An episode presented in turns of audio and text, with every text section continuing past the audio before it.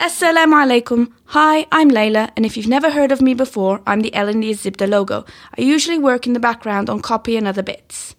Anxiety, in both its English form and its Arabic forms, qalaq and tawattur, are words we colloquially use to describe a mild unease or worry.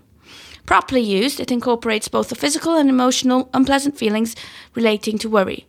For many people, however, anxiety is neither mild nor quickly passing. It is a very large part of their lives which they need to adapt to and work with. Khaira Bundukji is a computer science graduate, a self confessed geek, and committed to building communities. She previously worked as an IT communications manager and graduated from GE's Information Technology Leadership Program. Khaira is currently head of operations at the Mustadfer Network and host of Zibda. She has lived with anxiety for most of her life and in 2013 was diagnosed with general anxiety disorder.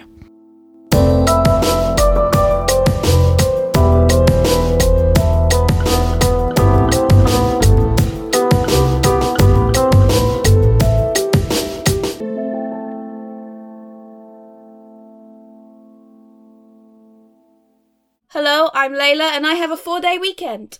Ooh, that is nice. It is very, very nice.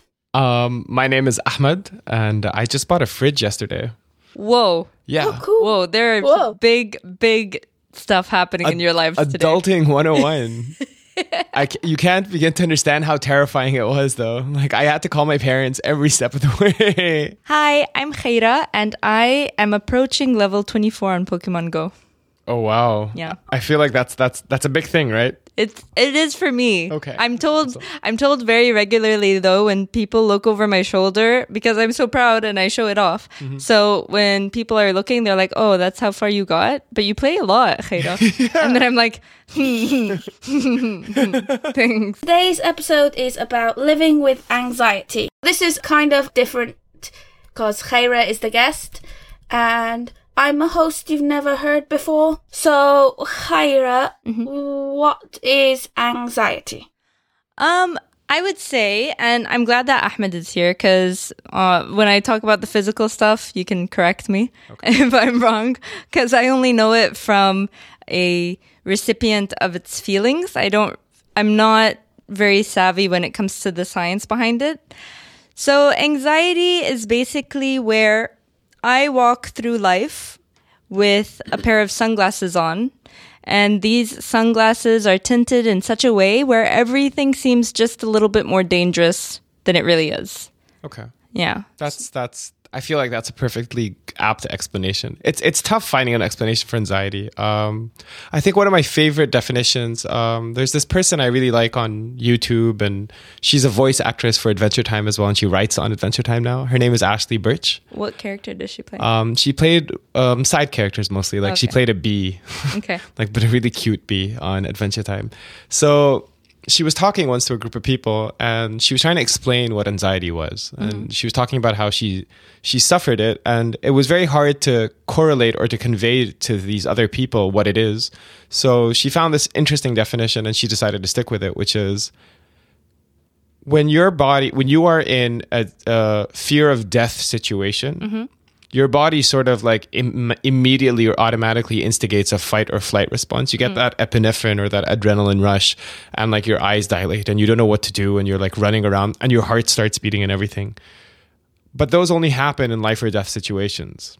With anxiety even a- everything is a life or death situation. Yeah, and it gets tough And- when it comes to, for instance, I have a talk in a week. yeah. uh, which is great and terrible at the same time because I am going through all of my feelings of anxiety for the past two weeks. Um, and it's interesting because I guess because I don't live in, in a world of hunters and gatherers and stuff, I don't have to like walk around the corner and then find a huge bear that wants to eat me or anything, right? Yeah. So, as far as I know. Um, so, what happens is my brain registers anything that I'm afraid of, even a little bit, like public speaking, as a bear that can come and eat me. Now, the reality is, is when I'm standing in front of a bear, I do want to either run or fight. Um, in my case, I freeze as well, like hiding and hoping that it just thinks Stay I'm dead. really really still exactly. And uh, On the plus side, Huh. That is what you're supposed to do with bears. Oh, great. Oh. Okay, so I am prepared. So there you I go. am prepared in in a situation that really calls for that. However, with public speaking, I probably shouldn't physically run away while I'm on stage and I probably shouldn't like attack anybody and I probably shouldn't pause and freeze. I can like picture you now, like just in front of everybody. Hi guys, my name is Khaira. I'm here to talk about what? Goodbye, everybody. Thank you. So it's just about coping with it, and um, and it goes into the general topic. Why do we call this episode "Living with Anxiety" instead of anxiety? It's because I wear these sunglasses. I need to know how to deal with them and to understand what means what. That's the most interesting relationship that I can find when it comes to this. It's the fact that everybody I speak to that has similar stories or similar experiences with me with anxiety, they're very much inside their head. But the problem is, it's not really being inside your head. It's when you're inside your head, you're not in touch with your body. So your body does stuff. Like your heart starts racing and like you become more hyperactive or you end up sleeping, trying to escape from it. So your body is doing all of these things. And because you're inside your head and you're not paying attention and you can't like, you know, level. I think of it as a little laboratory where you can level, okay, heart rate, go down, Yeah, yeah. chill out. You know, you're not having that interface with your body.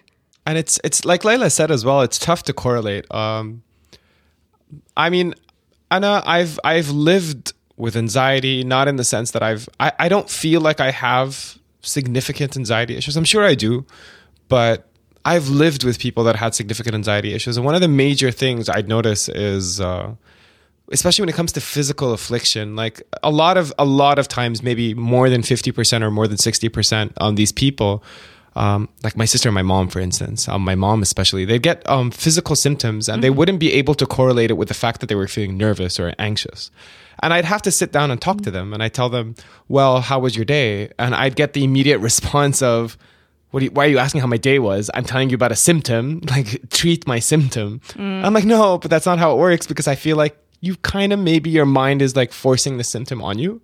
And then they're like, wait, are you saying we're crazy? Because that's the that's the immediate that's the immediate response. Like it happens and they're like, no, I'm this is a legit thing. This is my body is doing this. And I'd have to try and explain to them that yes, I'm not undermining um, whatever you're feeling, whether it's you feeling a little bit under the weather, or you're getting a cough that doesn't want to go away, or you're puking. I mean, these are all different ways of manifestations. They're all different manifestations of anxiety. I, I feel, and and they sure range. They weren't they weren't exposed to therapy as being a happy-go-lucky thing, huh? yeah, no, of course not. Like in any Arab world, therapy is not one of those things that you can feel freely to you can't that you can feel free to talk about. Like it's I'm not sure if we published it yet, but the uh the society's episode, the honor and dignity Uh, society. no, not yet, episode. not yet. So we can't. Yeah. Uh, actually, we will be able to talk about it because this will come after that. That one had a lot of interesting things to say about um therapy. Mm-hmm. Yeah, and how the different cultures. But you know what's funny? Even though I was, uh, so like Lama was saying, uh, because Ahmed didn't hear it yet because it hasn't been published yet. So what Lema was saying in this episode that we had of honor and dignity, um, in honor societies like our Middle Eastern society, uh, it's it's unhealthy to be different from the pack. You know, you, we can think of it as uh, as a pack of wolves. If there's one that's a different color or a different anything, they might not be as friendly with it, or they it might be shunned from it. Whereas in dignity societies um, that value dignity over honor, uh, what they do is it's very much an individual level, and it's about making yourself powerful and and healthy and focusing on yourself as opposed to how others will see you. less in about sense. collective, more about self actualization, I guess. Yes. Yeah, and Exactly. So th- what's interesting is I was raised because at that time when I was seven years old, eight years old, I was raised around my my brother. We were taking him to psychiatrists since he was two. we were very adamant because he was diagnosed with autism to catch it early and to take a big part of it. So in our minds, we had already seen the magic of psychology and psychiatry. So we were all for it. But even still, all of that love for it that we had, um, it took me until 2013 to relate that when I, my heart is racing, it's not necessarily because I'm having a heart attack. Or I don't know how these medical things work. So I assume I'm having a heart attack whenever anything happens to my heart or when I have uh, tightness in in my breathing, it's not because I'm. It's not because my lungs are collapsing. or you're having an asthma attack. Yeah, Right. yeah, yeah. Right. Like I mean, these. It's true. Like um, a lot of people that have anxiety issues are also um, general hypochondriacs. Like they're.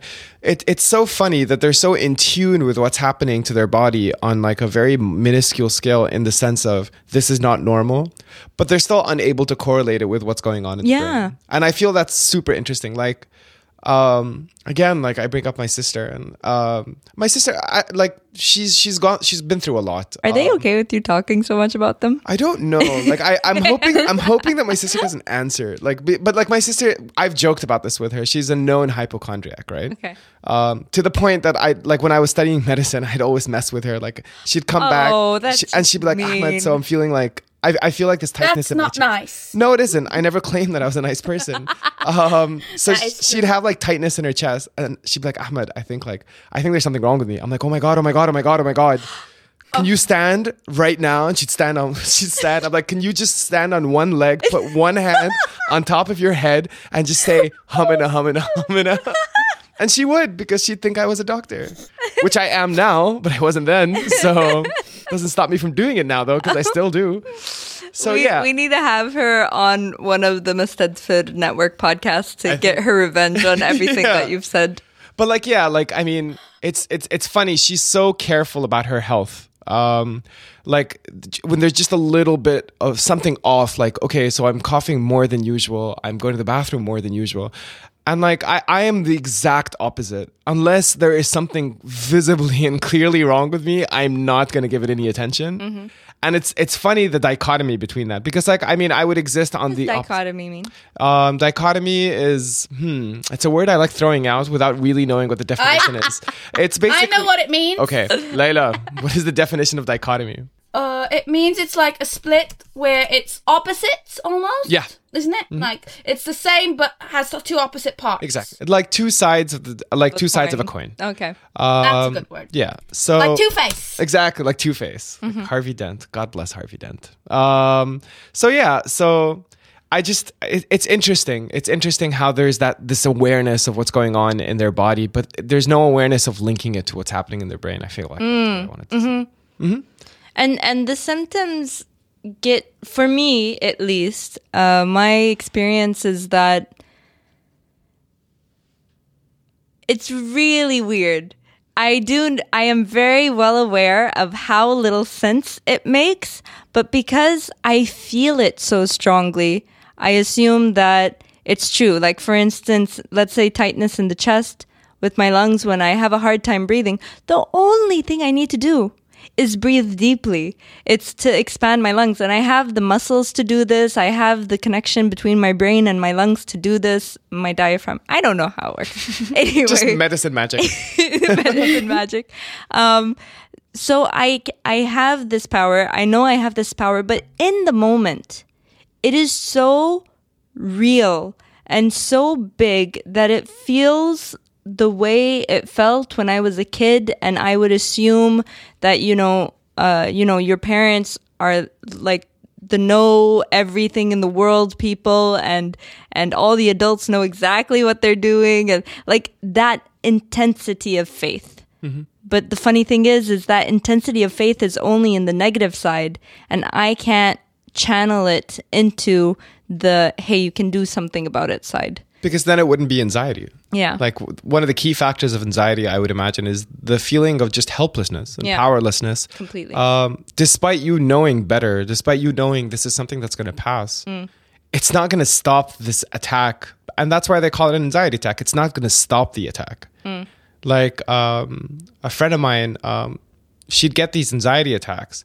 and she would know fully well that she's getting an anxiety attack pre and like pre and during. Mm. So she'd be like, "Okay, you need to stay away from me. I'm I'm about to get this attack." And she she'd literally just say, "Okay, okay, okay," and she'd mantra the word "okay," mm-hmm. and and she'd be fully okay with it. Like this is something that's happening, and it's something that's gonna pass. It's a wave, yeah. And that's the way exactly, and that's and that's and that was I, I thought it was a very brilliant way of dealing with it because I feel like a lot of people with anxiety they either try to come off as saying that they don't have anxiety, or that they find these ways to deal with it in which it's kind of like a disease or mm-hmm. it's kind of like something that can be cured or can be treated. It's some, like that's why I love the title "Living with Anxiety." It's it's something that you will face on like on a daily not on a daily basis but on a regular basis if it's something that afflicts you mm. I find mantras personally very helpful because, well, they're not exactly mantras, but they're phrases that I say over again, over again. And just saying them starts to calm me down, and the rhythm of them, of the words that I'm saying, mm-hmm. helps me to level out my breathing because I'm like, because I also get talk very, very, very quickly normally. But when I get stressed, when I get stressed, I talk way faster and I forget to take breaths. That's or I stammer. So Because I mashallah, you do have- speak really fast. I mean, I hope it never happens when I'm around, and I hope you don't ever feel that nervousness. But I kind of want to hear what that's like. It would be like audio times two or something. just like an X times two. I can do it without having to, um, like, without being nervous because I do it all the time at work. Mm-hmm. Sing faster and faster and faster and faster until the children fall down because they can't keep up with me. so, yeah. Uh, Disclaimer: No. Layla is a, a preschool teacher, so it's not strange for her to be singing very fast to, To kids until they fall down. I just made that realization. That's true. do you use any mantras or what or things like that? For me, um, the first thing. Okay, so so to answer that, because we're gonna go into a lot of techniques and stuff. First, I'll I'll disclaim my uh, my therapy history. So when I was eight years old, I was diagnosed with. Uh, attention deficit hyperactive disorder, which was the cool thing to um, diagnose kids with. I was about I was about 10 actually. So I was taking medicine, Ritalin at that time because that was a cool thing to prescribe. it was very Hell of a drug. It was- Hell of a drug. very trend And it still is. Yeah. oh, is Um, it? Yeah. yeah. But oh, it- yes. which is strange because the the more you use it, the more you need. So it's just weird that that would be still okay to do. It is. It's a pretty addictive substance, and it's problematic for a lot of people. Sorry to like cut you off, Hmm. No, but no. um, with uh, to this day, like there are a lot of people. Like ADD is one of those disease. It's one of those syndrome. Well, hmm, one of those Disorders. afflictions or disorders um, that overdiagnosed. Very much so. way way overdiagnosed And- so at 10 that was my case and then when i hit 15 um, at this point just to paint a really quick picture i was struggling with grades i was struggling with turning things in i was super duper shy so by 15 of course since i didn't have friends because I was shy and I didn't have good grades because I didn't understand how to cope with ADD other than taking pills. I got really depressed. And at 15, I was diagnosed with depression and I was taking Zoloft. Um, and all of this time, I only ever saw psychiatrists. It didn't occur to anybody to see a psychologist or a behavior therapist. Um, so then at 15 until I was like 17, for some reason at 17, I was like, you know what? I can be a great person. I don't know where this came from. No, I do know where it came from. I had a lot of online friends and I had a lot of online forums that like gave me a bit more confidence. So I was like, I can do this in real life as well. It doesn't have to be just on the internet that I have a social life. So for some reason, for two years, I was hunky dory and everything was cool and it was high school. So that was easy to do, very focused. And then I got into university, which was very focused. Even though I got bad grades, I still had a curriculum. So it wasn't any surprises or anything. And then when I hit my work life, my adult life, that's when it got really tough. And uh, it was just so unknown and so uncertain that I think that's when a lot of my symptoms came up, like panicking or um, the intense stuff that I didn't know what was wrong with me. Yeah. So finally, when I was 26, um, which was a whole 10 years, a whole 11 years after my last diagnosis of being depressed. And then from that point, mm-hmm. everybody said that maybe bipolar 2, maybe this, maybe that. Finally, I went to a psychologist by coincidence and she diagnosed me with anxiety disorder. And she said, you don't even need to take anything. In fact, it's even better if you don't take anything because you need to focus on your body and coping with it and understanding how you work and understanding how to calm yourself down. So she did something with me called uh, cognitive behavioral therapy, where it was just to take the the real scary part of anxiety is the randomness of it, of the not having control of an- anything. So what she did was she gave me this tool. Anytime I would panic or anytime I would have a craving for substances or anytime I would feel like I'm not in control, I would write it down.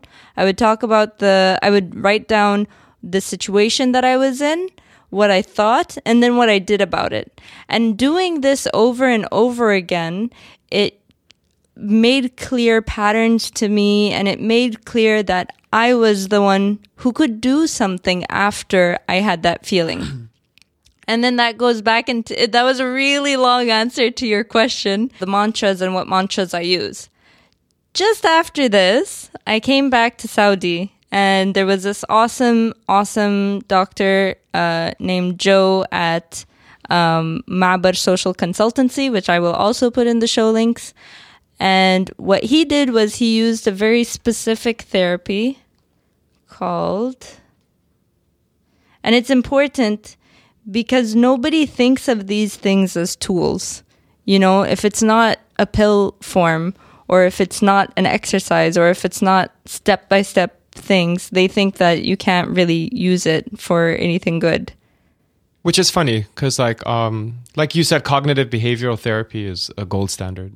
So his form of therapy with was cognitive behavioral, which we already know and we talk, talked about, and then it's called person centered. A lot of therapy, they ask you, well, how did you feel when you were a child? No, this person centered therapy was just about, hey, you're in the room right now. What's going on inside you? Right?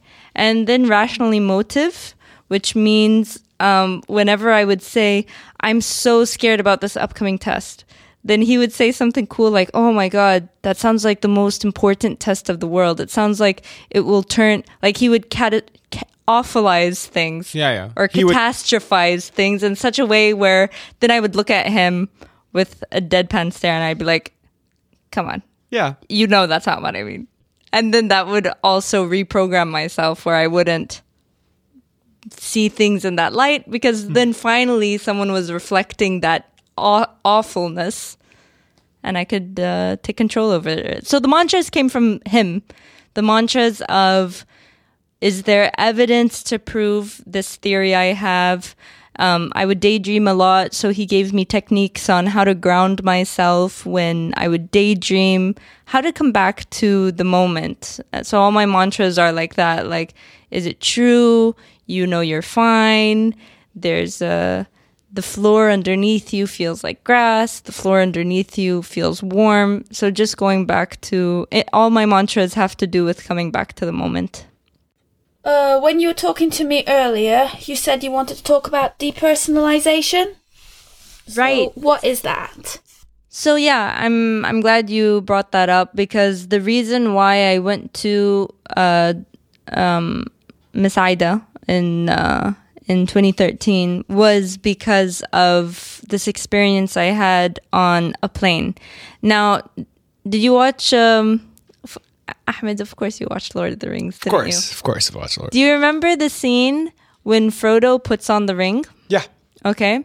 And then all of a sudden his world changes and it's desaturated and it feels colder. Like when you see it, it feels colder. The colors are different. It's a darker version of the world he's in. I swear to you, and this is not me like trying to find a simile. It was that exact change. All of it, and I'm sure you can tell me about the physical reasons why my perception of the world turned that way. There were several things that happened to me at once on a plane because I was in the middle of um, living between two places. I would come back and forth between Muscat and Jeddah. And on the plane, everything lost color. And it's true. Like literally everything lost color. And um, whenever I would look at like cracks in the wall or the clouds or or like a pattern, by nature, my mind just kind of creates a face in it, you know, like how you see images and clouds and stuff. I could not see that stuff anymore. I felt so cut off from the person that I was and the identity that I I attached myself to. I had so much not hatred, but I couldn't recall affection. I couldn't recall feelings of warmth.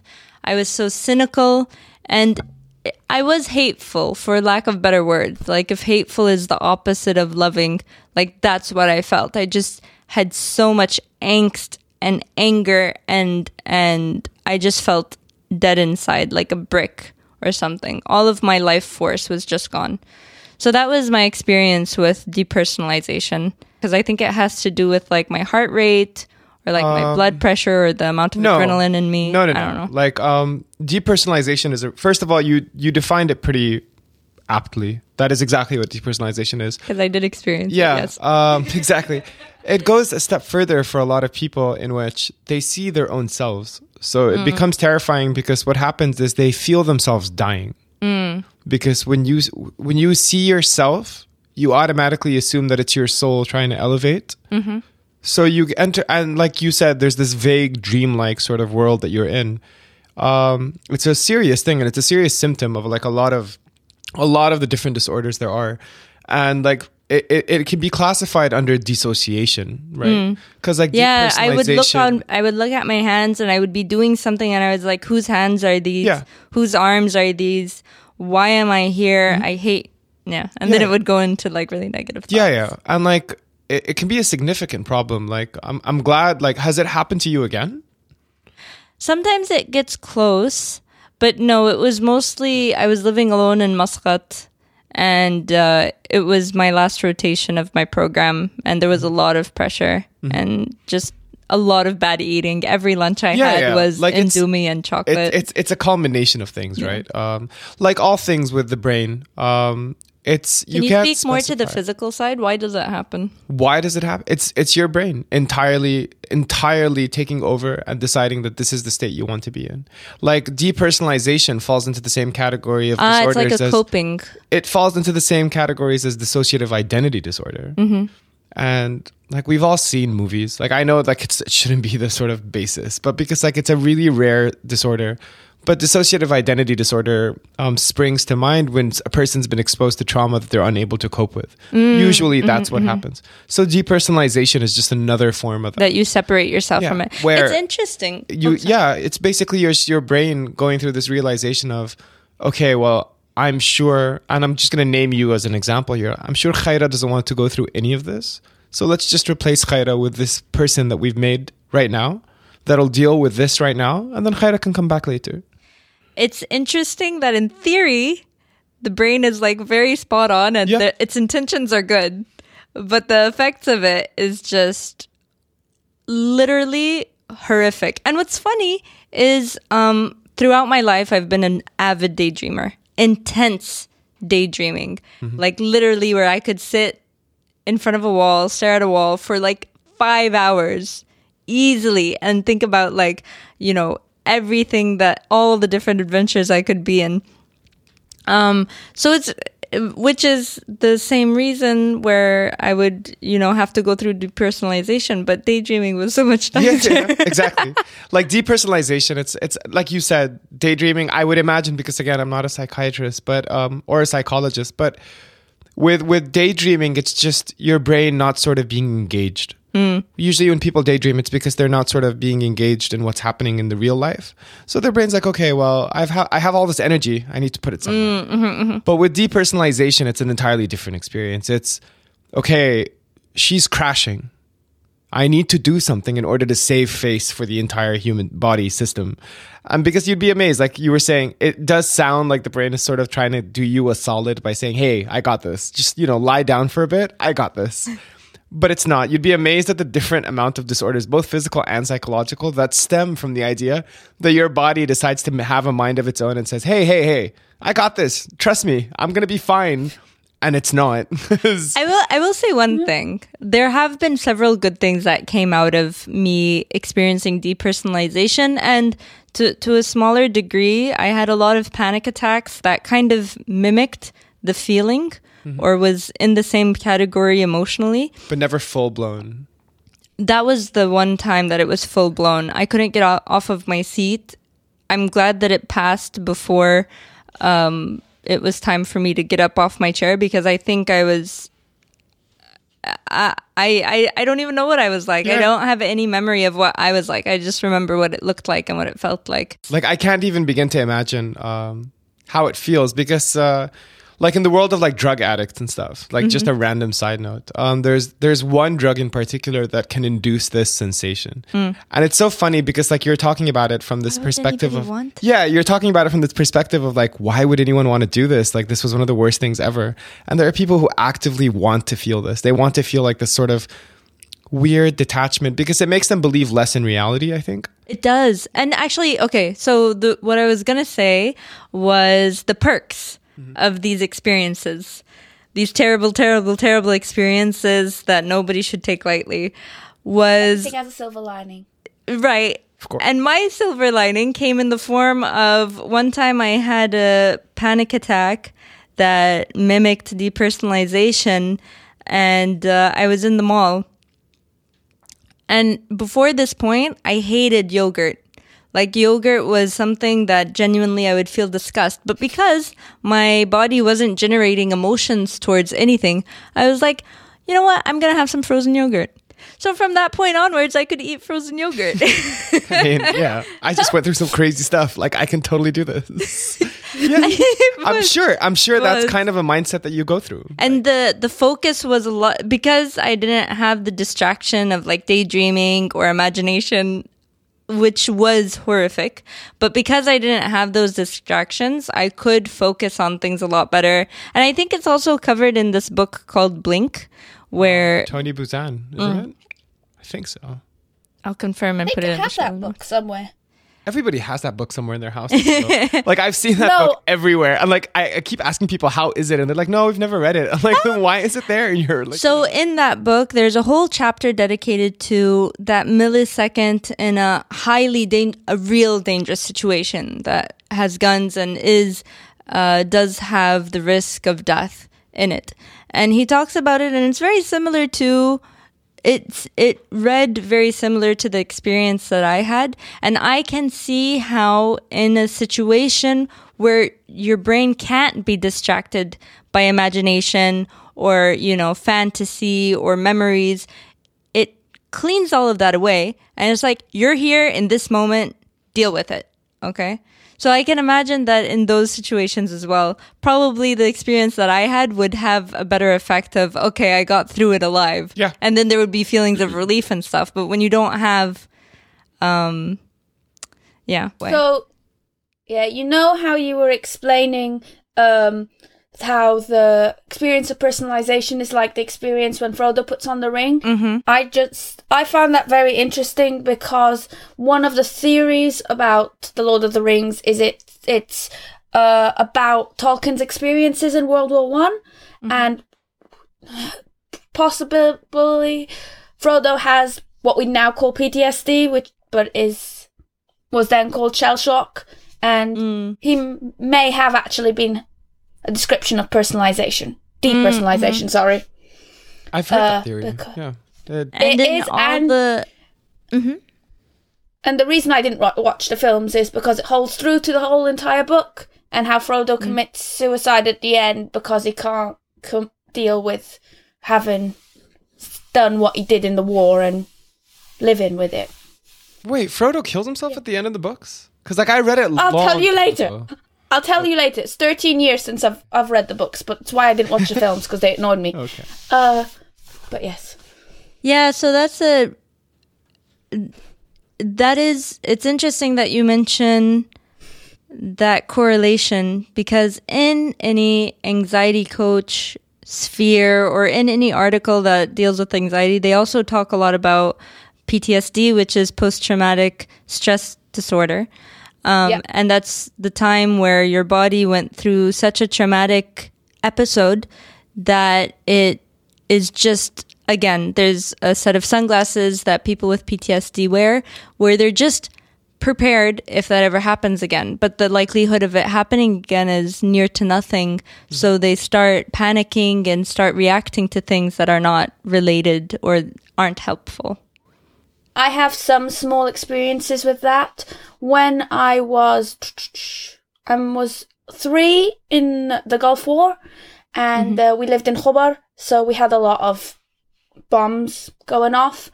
And to this day, I can't deal with fireworks. As soon as fireworks go off, and also I was in Jeddah when the fireworks ended up in the crowd of people, so that definitely put me off fireworks for life. And It, and it's so healthy that you know that relationship because it's not like you have a traumatizing or like a debilitating fear of fireworks. You know that, okay, this is because of that. So I'll just keep my distance without like ruining my day or ruining my family's day by going in a panic. Mm-hmm. I used So- to forget. and I go to places where there are fireworks, and then I'm curled up in a ball in a corner, going, "Nope, can't do this." Still isn't for me. Still isn't for me. It's funny you do say that. I feel like uh, I feel like it's often very important. Um, the both of you bring up the fact of introspection, especially with uh, with with the with the therapist that you were talking about specifically, the person centering Khaira. Um, introspection is key. Um, you need to be aware of who you are at that particular moment and you need to be very comfortable in your own mind. Mm. And you need to realize what is sort of i don't want to say the word cancerous but what is sort of negative and what is sort of positive. positive and i feel like when when when, when you're in these attacks or when you're just feeling generally low about life it's important to be able to have a huge discrepancy between the two to say okay well i realize they're both my voices but one of them is just one of them is just whining for the sake of whining while the other one is actually trying to be positive. And you have to listen to both. Because like a lot of people will say no just ignore that voice that keeps whining and keeps telling you you're not going to amount to anything. I don't I don't know. From my perspective like I don't deal with anxiety I guess the way you guys deal with but what I do deal with is that voice. Mm. That voice is constant in my head always. And to the point that like I've named him like when I was 4 I think I named it Bob and he's been Bob till today like and and we have like the longest coolest conversations before I go to bed cuz you know Bob Bob likes staying up all he's staying up at night um and I think the way I dealt with it, again, like I never went to see anybody or anything like that. I, I guess it wasn't part of the culture, but um, I What I- highly recommend. I, w- I would like to. Like I've been to a few sessions, but never anything regular. Um, I think it's mainly because I didn't. It's not that I didn't trust them. It's they didn't offer me anything new. Um, like I, what I would do with the Bob situation is, in the beginning, I'd sort of not listen to him. And not listening to him, it, it, it gets annoying because what happens is he shouts it more and more. So with me, what eventually happened is I'd have conversations with him where he'd say, "Listen, Ahmed, you are." You're not going to amount to anything. You're a failure, and like that. That's that's the kind of the the theme that keeps recurring. You're never going to get anything done. You're a failure. You're you're just a sham of a person, and you've tricked all these people into thinking you're an interesting person. I know better. You're not. Um, so what I've decided to do is I engage. I'm like, well, Bob, why do you think why do you think that? Like let's let's have a conversation. And it, it sounds so And you go into like the evidence. Yeah, it sounds so side of split it. sided, like he's another person. And no, like I'm fully aware that he is a part of who I am. But when you engage in sort of the conversation, yeah. That is a perfect place to talk about different coping mechanisms. So, Khaira, what coping mechanisms do you have? Mm-hmm.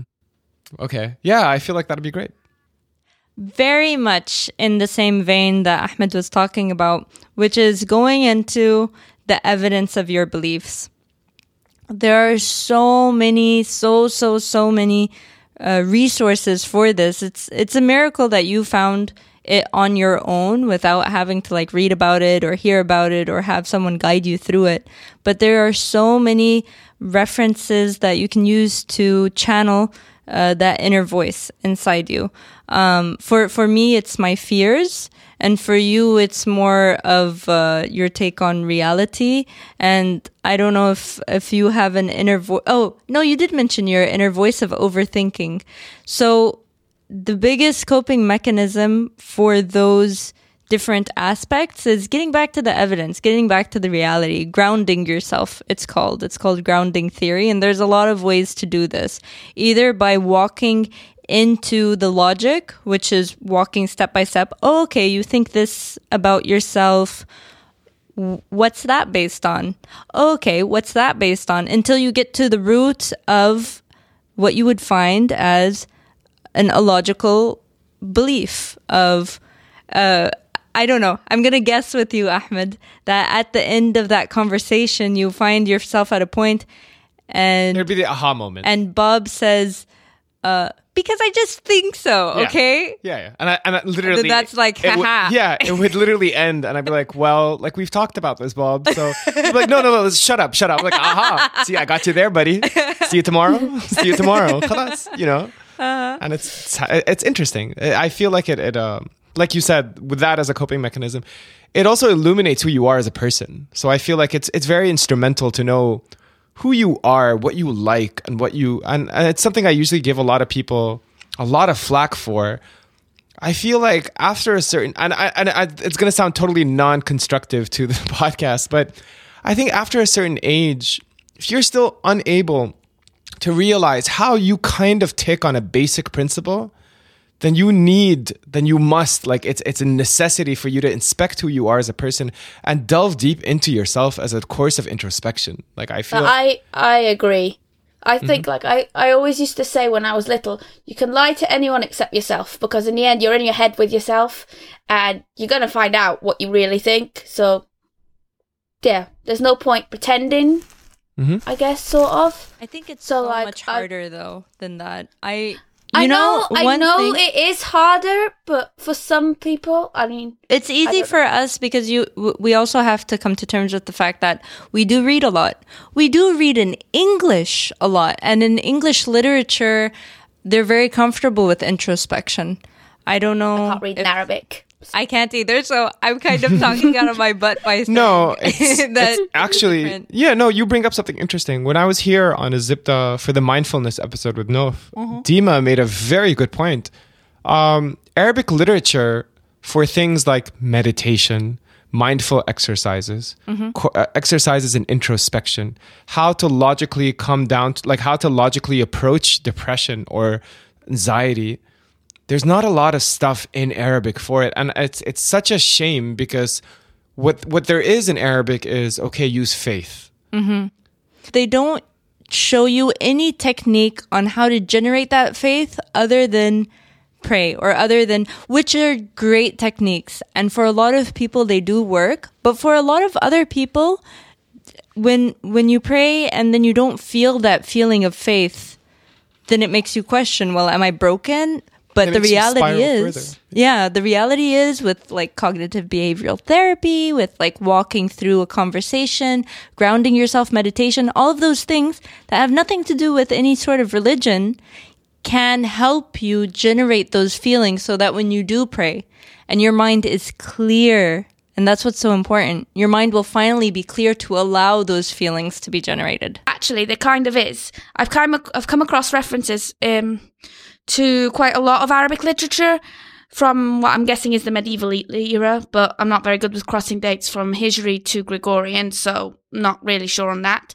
Uh, the end goal of the books was the books are like religious books, and so all about worshipping and strengthening your faith and things, but they talk about focusing your mind and truly knowing yourself and what your intentions are. So basically, knowing your Nia. There's a huge poster in my room that says with purpose.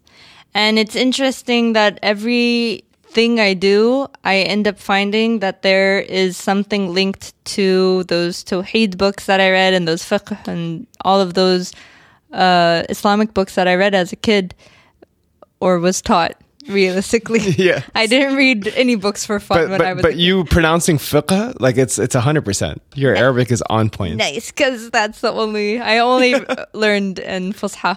Anyway, so getting back to those books, it's amazing to see how many things connect with it, but how many steps I had to take in order to make that big connection that's usually taught to us, and and people are like, "Here, just do this, and you'll feel better."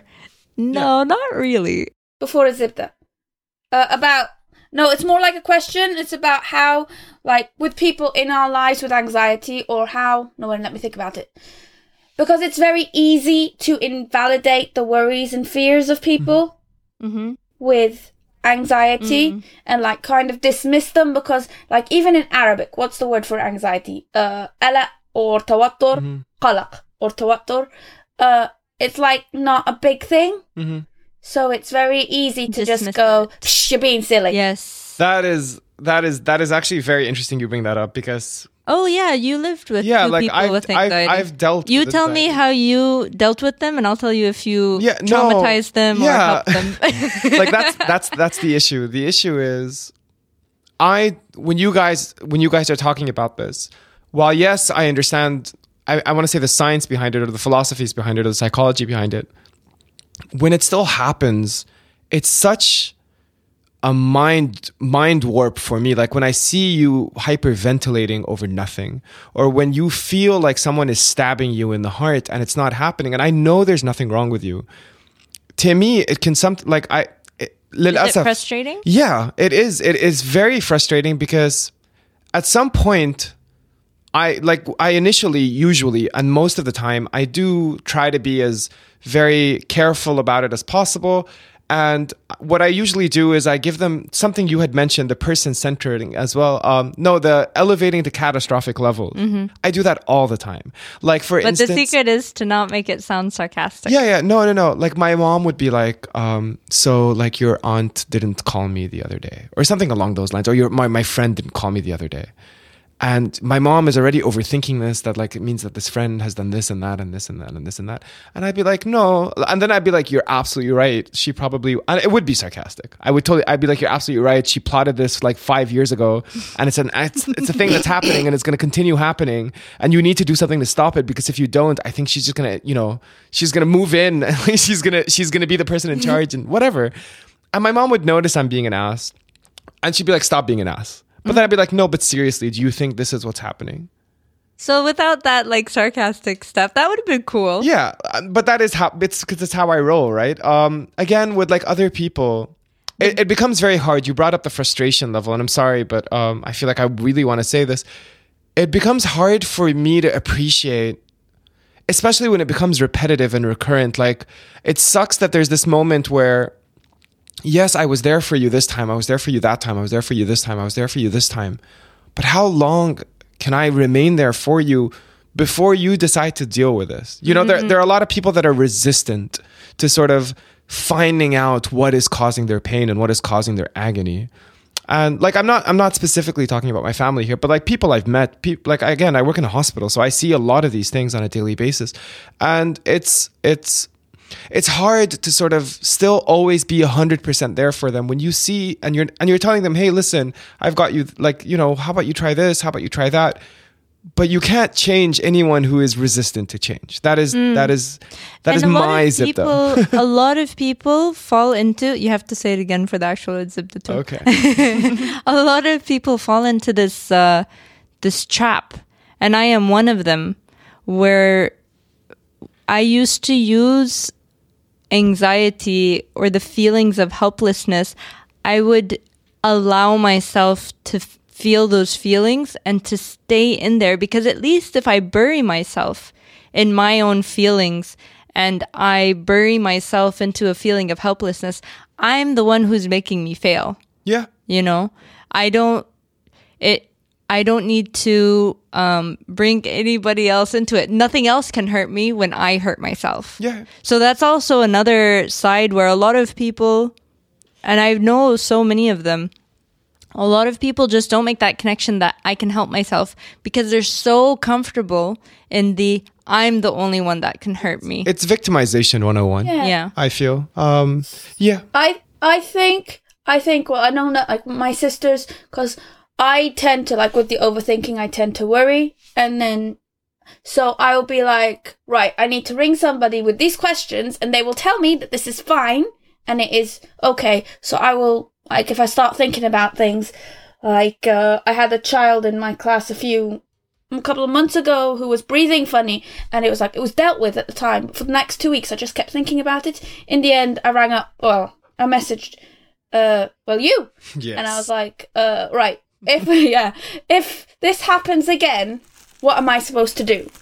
And then once i have a plan khalas i'm fine. But i have to ask the question Yeah, plans help. find a person who's an expert. Plans help. Plans uh, again it's all about f- making the person feel like they can have control. What you were saying ahmed was it's hard to not feel frustrated with someone who doesn't make that connection and you can only bring a horse to to the water you can't make them actually drink it in my experience when it comes to people who deal with me I've had the whole spectrum. Alhamdulillah, I have a very big family. So I have a whole spectrum of reactions to me.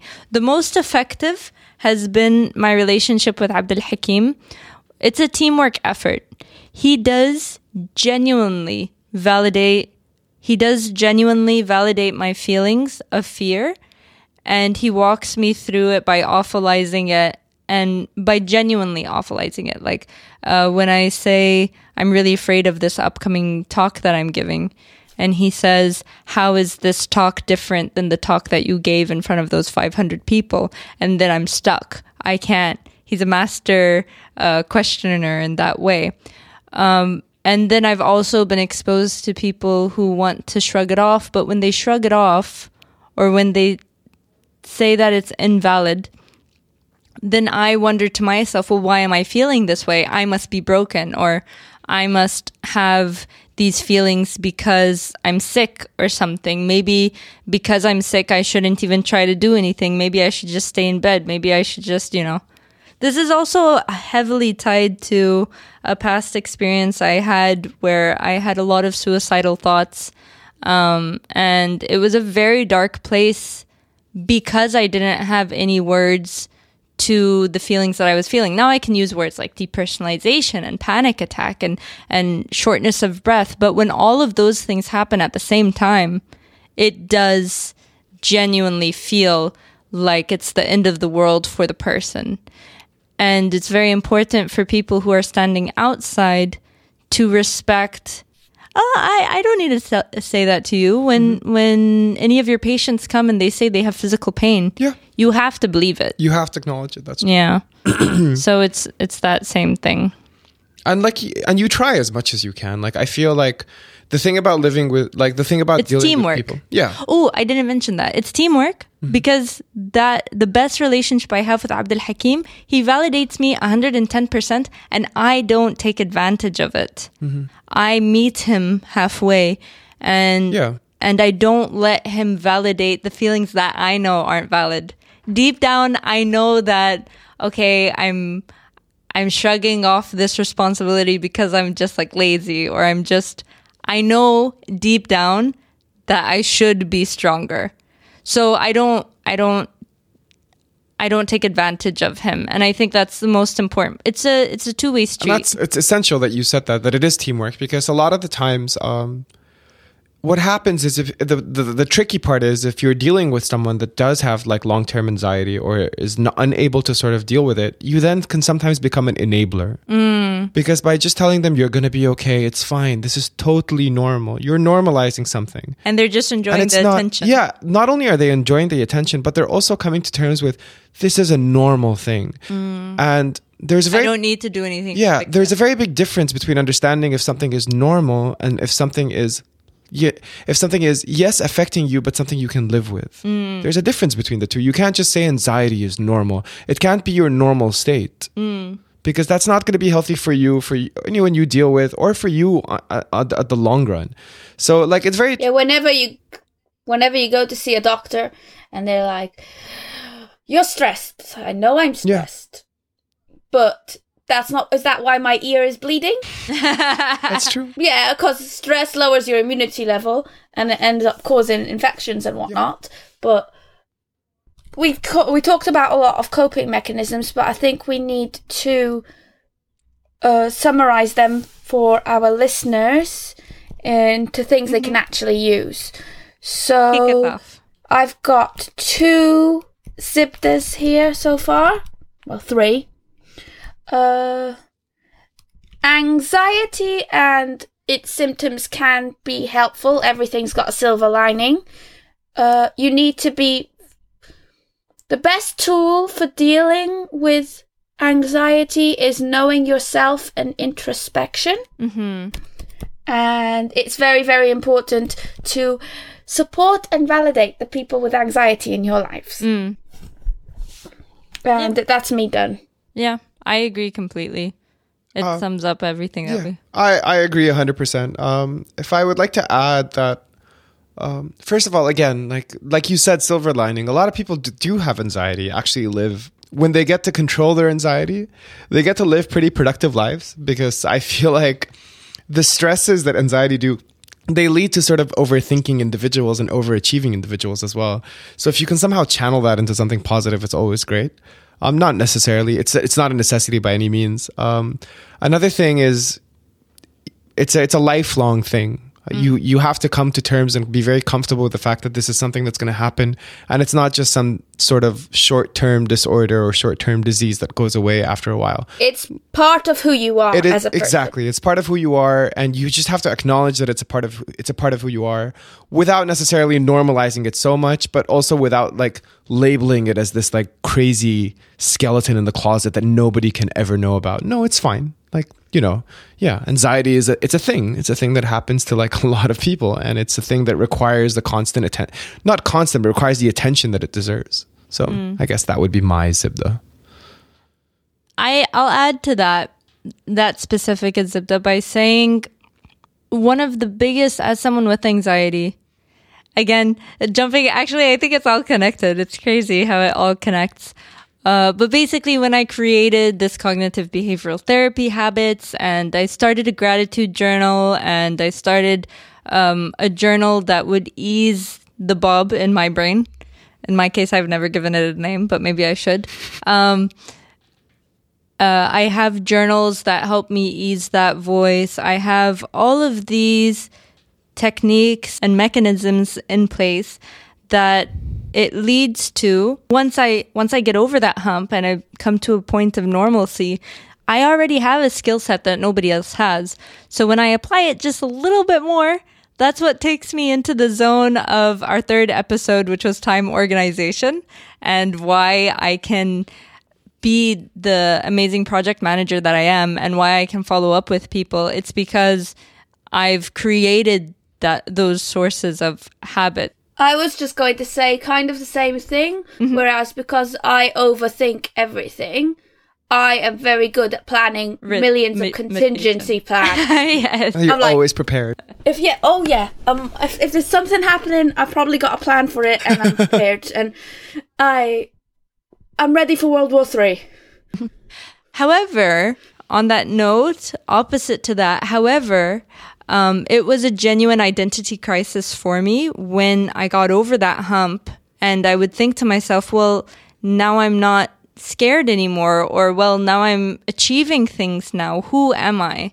So it was really hard because I held my anxiety as such a core part of who I am as a person it was really difficult for me to like be happy. It was really difficult for me to feel proud of myself when I achieved something because I just wasn't used to those feelings. Imposter syndrome. Yes. Yeah. Which is also like the other side of it where it's all about balance. It's all mm-hmm. about evidence. It's all about um, reaching out to the people that you can reach out to. It's all about training the people around you. Abdul Hakim and I, it was he he wasn't a natural at this at the beginning.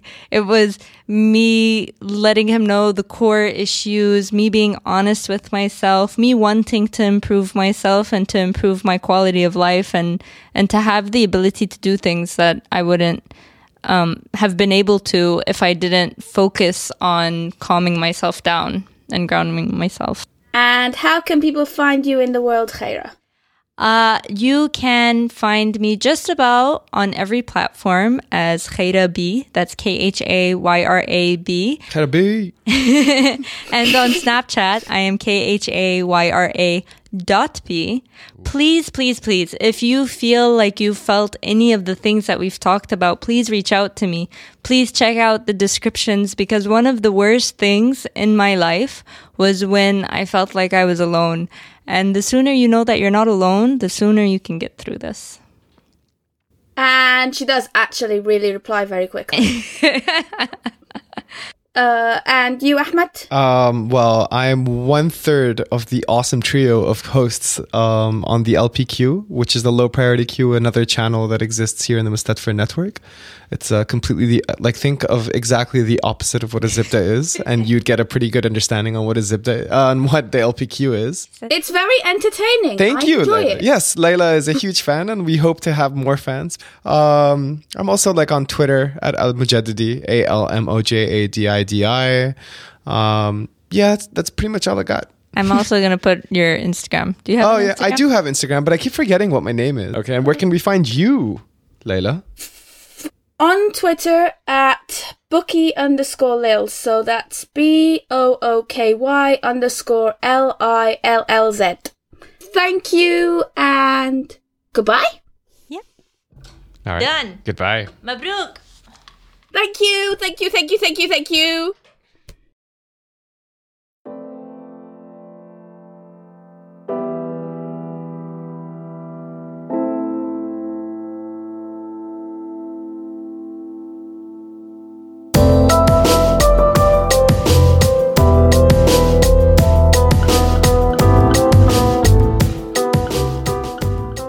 الحلقة مع أهلكم وأصحابكم.